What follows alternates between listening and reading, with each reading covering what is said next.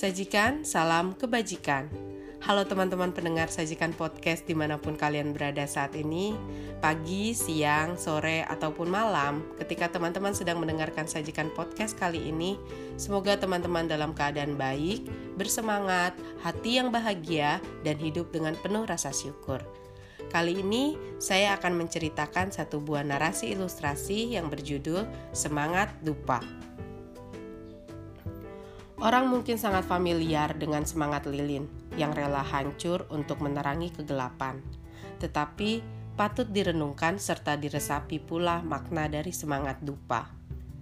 Lilin betul rela meleleh menerangi kegelapan. Namun demikian, setidaknya ada dua hal yang patut dibandingkan. Pertama, orang pasti tahu sumber cahaya yang menerangi kegelapan tersebut. Dan kedua, begitu si lilin habis, kegelapan kembali langsung terjadi. Lain dengan dupa. Ketika menebar harum semerbak, tak jarang orang tak tahu akan sumbernya ada di mana. Dan walau sudah habis terbakar menjadi abu, bisakah kita pungkiri keharumannya masih tersisa serta tetap meninggalkan kesan? Demikianlah kita sebagai umat manusia yang beriman. Mampukah menyingkapi semangat dupa ini dalam realitas amal perbuatan sehari-hari, sehingga dalam setiap langkah melakukan kebaikan tidak selalu harus diketahui bahwa akulah sang pelaku untuk apa pun motifnya beroleh penghargaan. Juga mampukah dalam tingkah laku kita meninggalkan keharuman yang masih mengesankan walaupun badan ini telah berkalang tanah. Di dalam Mengce 3a pasal 1 tertuliskan Mengce mengatakan watak sejati manusia itu baik. Lalu di dalam Nunyi jilid 6 pasal 19 Hidup manusia difitrahkan lurus. Kalau tidak lurus tetapi terpelihara juga kehidupannya, itu hanya kebetulan.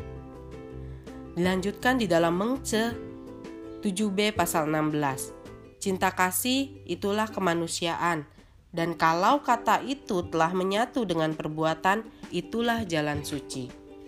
Spirit dari perumpamaan tadi ialah merupakan simbol dari sifat luhur kemanusiaan kita sendiri.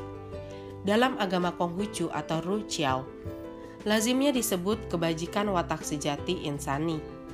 Kelurusan kodrat dan fitrah watak sejati inilah jika disimbolkan sebagai harum semerbak dupa yang dibakar memang tidak mudah diketahui, bahkan tidak memiliki ego untuk ingin diketahui.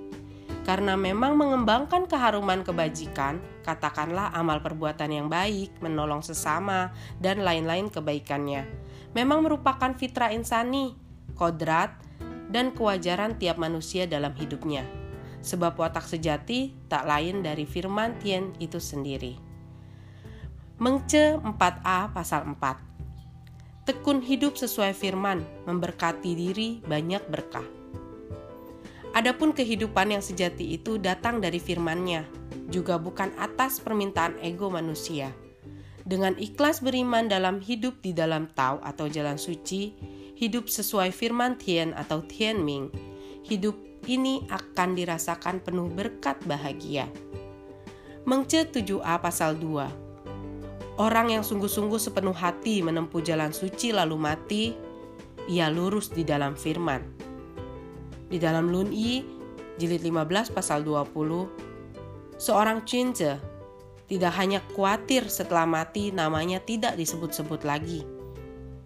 Demikianlah keharuman perbuatan dalam jalan suci, biarpun sampai badan berkalang tanah, tetap terjaga kelurusan diri kita di dalam firman Inilah sumber kebahagiaan yang sejati. Oleh karenanya, insan beriman, cince, itu bukan hanya sekedar ingin disebut-sebut setelah ia mati, namun justru sepanjang hidupnya senantiasa berusaha mengisi dengan keharuman kebajikan, tanpa pamrih dan keinginan agar diketahui, tetapi karena sadar inilah fitrah kita. Terima kasih teman-teman episode kali ini semoga bermanfaat untuk kita semua. Nantikan episode selanjutnya. Sajikan salam kebajikan dari saya Novita Chung.